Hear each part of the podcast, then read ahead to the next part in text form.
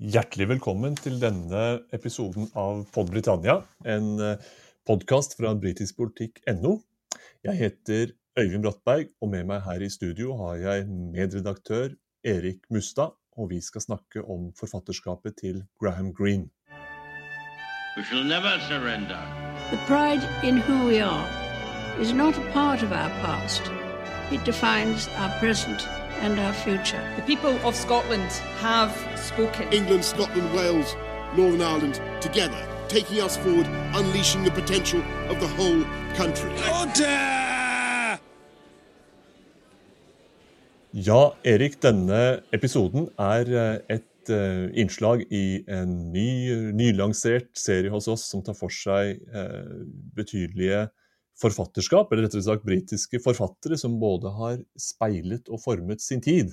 Og her kommer Graham Greene behendig inn for oss, fordi han er en, en av det 20. århundrets forfattere som så åpenbart har både speilet og formet sin tid.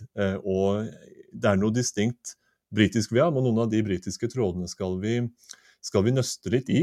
Men kan du bare først av alt, hvis du enkelt skulle skissere hvem Graham Greene var, og hva han er kjent for for et norsk publikum, hvor vil du begynne? Ja, altså Graham Greene var kanskje mest kjent i sin samtid. Eh, han ble mer lest på 60-, og 70- og 80-tallet eh, i Storbritannia, men også veldig mye rundt om i verden. Jeg kom først i kontakt med Graham Greene da jeg var ti år gammel, og det husker jeg veldig godt fordi at min bestefar var veldig glad i å lese Graham Greene. Og eh, En dag så kom jeg inn til min bestefar, for de bodde nokså eh, nærme oss. Eh, og der på armlenet på lenestolen hans så ligger der en roman av Graham Greene. 'Den dypeste grunn', 'The Heart of the Matter'. Den ble gitt ut mot slutten av 1940-årene, og jeg spurte min bestefar hva er det du leser. Jo, han leste Graham Greene. Så sa jeg hva er det som er så spesielt med denne boka? Jo, så fortalte han en historie eh, om Graham Greens liv. Eh, og det var en interessant historie som gjorde at jeg senere begynte å lese Graham Green sjøl. Eh, nettopp fordi at han, han, har en tilnærming til eh, tids, eh, tiden han lever i, og denne tidsånden som du var inne på, som er veldig spesiell. Så han klarer å kombinere det nære menneskelige med store internasjonale eh, konflikter, internasjonal politikk spionasje. Eh, og han levde gjennom hele det 20. århundre, eh, og er faktisk en av Storbritannias mest leste forfattere. Og det er det kanskje ikke så mange som vet. Så han har veldig mye å, å, tilby, og det skal vi komme litt inn på nå etter hvert. Det er noen uh, distinkt, distinkt, britiske opphav også til, til, alt det han tok for seg i, i bøkene. og To sånne stikkord er eh, kostskoleliv i, i, barndommen og den type skolering han gikk inn i. Og et annet stikkord er eh, imperiet og på en måte det globale nedslagsfelt. Mm. Den, med den selvfølg selvfølgelighet man reiser rundt i verden og erfarer verdens gjøren og laden, så å si. Men la oss starte litt med den kostskolesiden av saken. en barndom med en rekke eh, traumer og og vanskeligheter. Privilegert opphav, men, men, et vanskelig sjelsliv fra, fra begynnelsen av. Det høres ut som opphavet til et forfatterskap. Ja, det gjør det. Og, og, og det er jo ikke så, så, utypisk mange forfattere i Storbritannia som hadde en privilegert oppvekst, hvis vi kan kalle det det. Eh, høyt oppe i det sosiale hierarkiet, gikk på kostskole.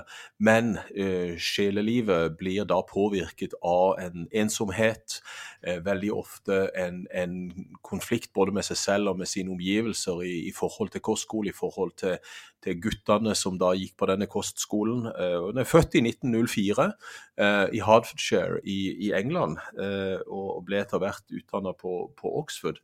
Men veldig mye av disse kostskolebakgrunnene ser vi påvirker de senere i livet, både Graham Greene og veldig mange andre. Eh, så, så dette er en, en, en nokså eh, vanlig vei inn i eh, et voksentliv hvor man har sitt å stri med. Og ble, det, ble, det ble skjellsettende for, for, Graham Greene, denne utdanningen han fikk på, på kostskole og senere Oxford. Var det et trøblete forhold til hans far, eller har det vært fint lite skrevet om nettopp det? Faren hadde jo en, en eh, fremtredende stilling ved denne kostskolen hvor han selv ble elev og åpenbart ikke hadde det bra i, i det hele tatt som gutt. Ja, eh, det ligger jo veldig mye i menneskelige relasjoner, og, hvis de overfører mange av disse problematiske menneskelige relasjonene som nok Graham Greene opplevde både i forhold til far og, og familiemedlemmer, eh, til hans forfatterskap, så ser vi jo at veldig mange av de dilemmaene som han nok sjøl eh, sleit med, han konverterte f.eks. i 1926, en ung mann av av 24 år, nei, 22 år, da, da konverterte han til katolisismen. Han, han, hadde nok med seg veldig mange av disse menneskelige relasjonene, og kanskje problemer i relasjonene, inn i forfatterskapet, som vi ser da nokså gjenkjennbart i mange av karakterene til Graham Greene i, i hans mer enn 20 romaner. Så de blir jo påvirka, ehm, de fleste ehm, som, som, skriver om slike menneskelige relasjoner, og, og, og, kanskje konflikter i menneskelige relasjoner også. Eh, han var jo eh, etter skoleårene student ved, ved Oxford, som du, du, nevnte, Balliol College, som eh, mm. de med relasjoner, eller i hvert fall interesse for den norske kongefamilien, også vil, vil kjenne igjen. Og studerte eh, historie, og, og, deretter så ble han raskt ansatt som Han jobbet som journalist i The Times og Spectator, og, og hadde fra et tidlig tidspunkt, eh, ser det ut til, en sånn parallell interesse for eh, skribent- og journalistarbeid på den ene siden, og de litt dypere eksistensielle spørsmålene på den andre siden. Er det på et vis den dobbeltrollen mellom det som senere skulle bli eh, spenningen mellom eh, thrillere og på et vis spenningsroman på den ene siden, og mer sånne dype, grunnleggende spørsmål i livet på den andre siden. Er det en, et, et, si, en spennvidde du senere kjenner igjen i bøkene han skrev også? Ja, jeg, jeg, tror det. Fordi at det er blanding av veldig mange forskjellige aspekter eh, i bøkene hans. Og dette med utenrikspolitikk, dette med spionasje, dette med den thriller-tilnærmingen eh, som vi ser i mange av bøkene. Eh, det er kombinert med mennesker som er ensomme, som føler seg forlatt og som sliter med eksistensielle moralske spørsmål i veldig stor grad. Så dette med å operere på den internasjonale arenaen, eh, gjerne som spion eh, Vår mann i Havanna eh, er jo en kjent roman. Og, den ensomme amerikaner. Disse romanene her, der treffer vi karakterer som kanskje lever i, i dette spennet eh, mellom, mellom, dette dramaet og disse eksistensielle spørsmålene som de, eh, som de sliter med. Og der er, der er mye moral, eh, også katolsk moral, eh, i bøkene hans og i karakterene. Og vi ser at eh, i, i nesten alle av disse kjente romanene så blir det en, en, en, en moralsk en, utvikling av slags, et slags moralsk dilemma som, som hovedpersonene iallfall står oppi. Han ble jo kjent for det som eh, iblant omtales som, som, den katolske roman, og som kanskje ikke er så, så vanlig å støte på blant, blant britiske forfattere, men var, var um, katolisismen og det livssyn han la til grunn, var det en en viktig bestanddel i disse bøkene. Altså gir det på en vis en tilgang til, til et sånn dypere og mer sanselig eller åndelig nivå som, som andre spenningsromanforfattere kanskje savner? Ja, eh, nå har jeg snakka med en kollega som i voksen alder konverterte til katolisismen. Eh, og han mente da at eh, hvis man var katolikk og gikk etter eh, Graham Greens tekster i sømmene, så ville en finne referanser til katolisisme og katolsk tro som man kanskje ikke ellers ville se hvis man ikke var katolikk. Det, for meg som ikke er katolikk, så, så har jeg aldri eh, sett dette. Eh, fordi at det har ikke vært en del av min lesning av, av disse tekstene. Men eh, den katolske romanen ble jo på mange måter et uttrykk i Storbritannia også, som, som ble brukt om Graham Greene. Eh, og at en del av disse etiske, moralske dilemmaene som karakterene står overfor, Eh, disse valgene de er nødt til å ta.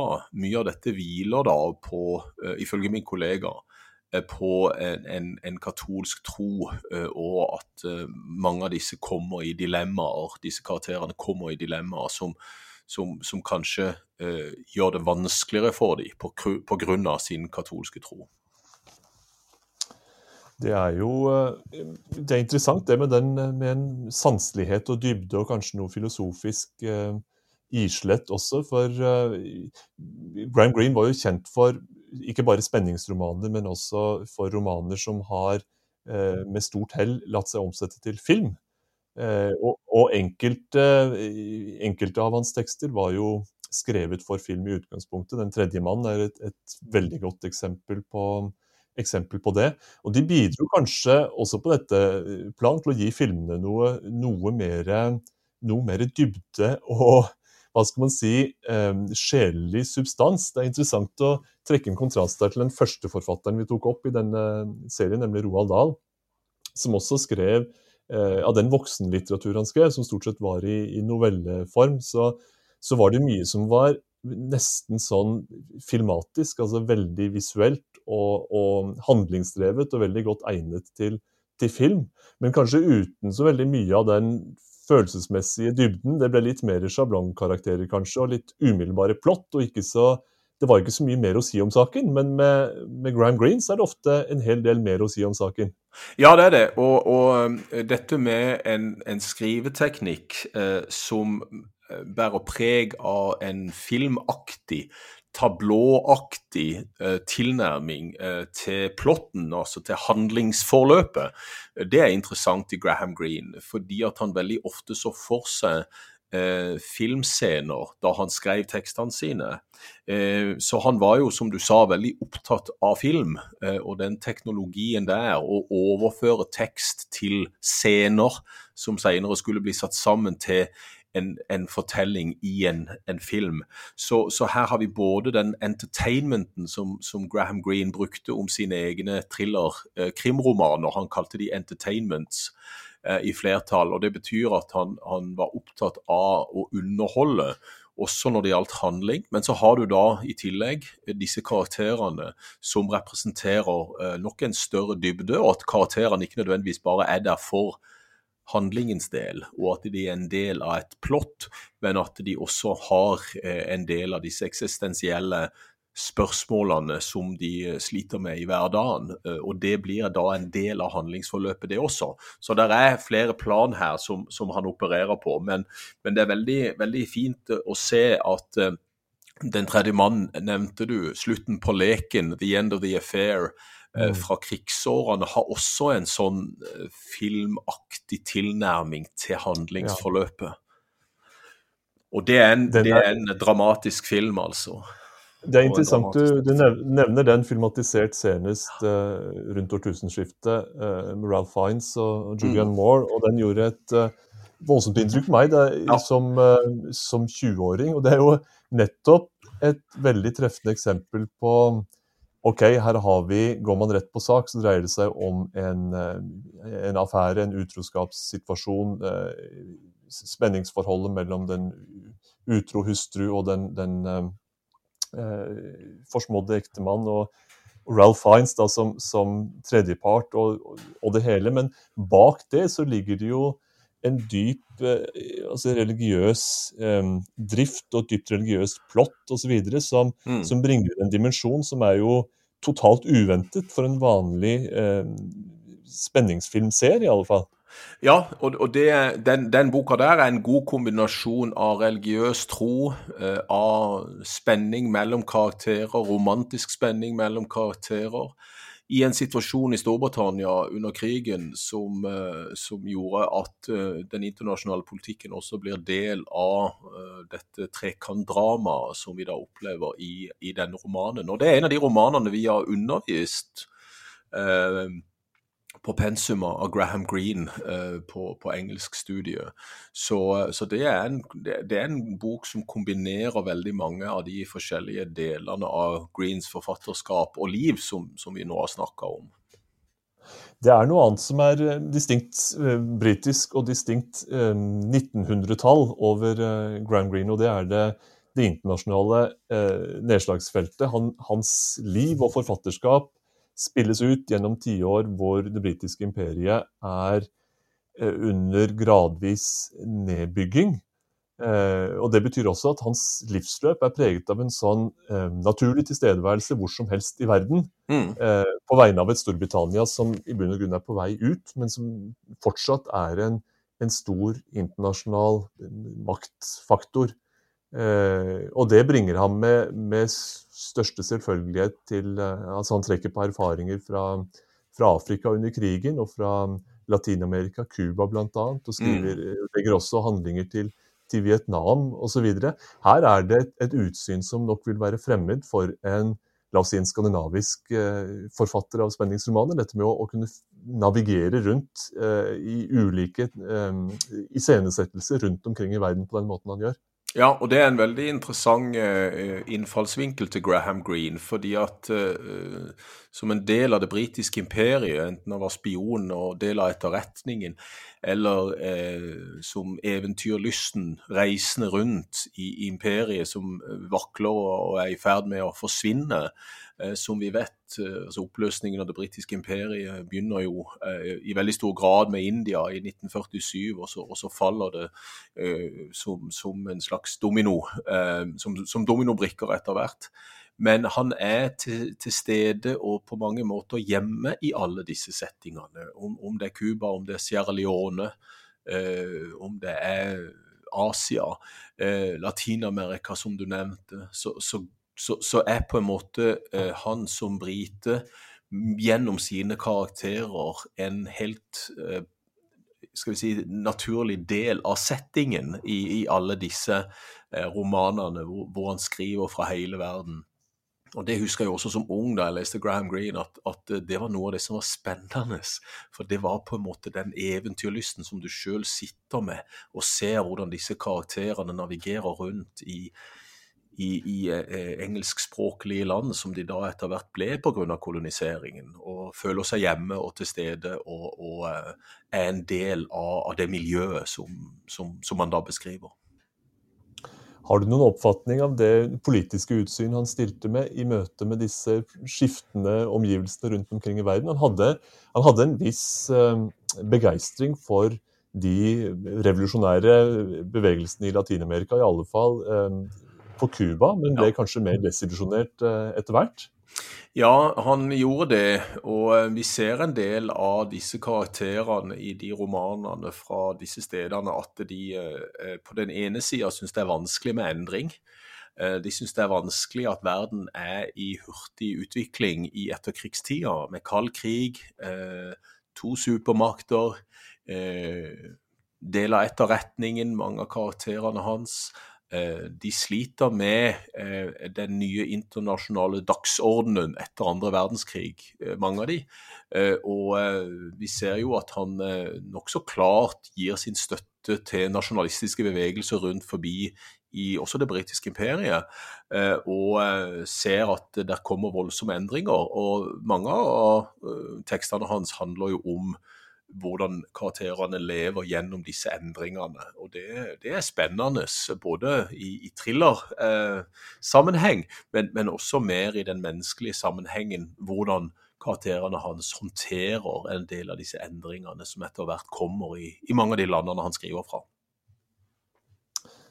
Han ble ved, Graham Greene ble, ble ved sin død beskrevet som den forfatteren som bedre enn noen annen har, eh, har fanget eh, det 20. århundrets eh, bevissthet og angst hos, eh, hos menneskene. Det var William Golding som, som sa det. Mm. Det er jo en, en, et utrolig skussmål. Det er også et skussmål som, som vektlegger det litt sånn skyggefylte og, eh, og, og på et vis de mørke sidene ved mennesket, kanskje. Ja. Var, var det en, liksom en bærende kraft for Graham Greene, eller er det også rom for det optimistiske og humoristiske i, i, i hans mest populære bøker? Ja, eh, jeg vil si begge deler. Det er åpenbart, som William Golding også sa, at eh, han er kanskje en forfatter som best huskes for karakterer som er rotløse, som er ensomme, som på mange måter er avviste. De er sveket og kommer inn i disse moralske dilemmaene som de på liv og død i mange tilfeller prøver å komme seg ut av. Eh, så, men at det er lys i enden av tunnelen for en del av karakterene, det er det. Så det er også humor og, og mer eh, skal vi si, lette tilnærminger til menneskelige karaktertrekk eh, i, i, en del romaner.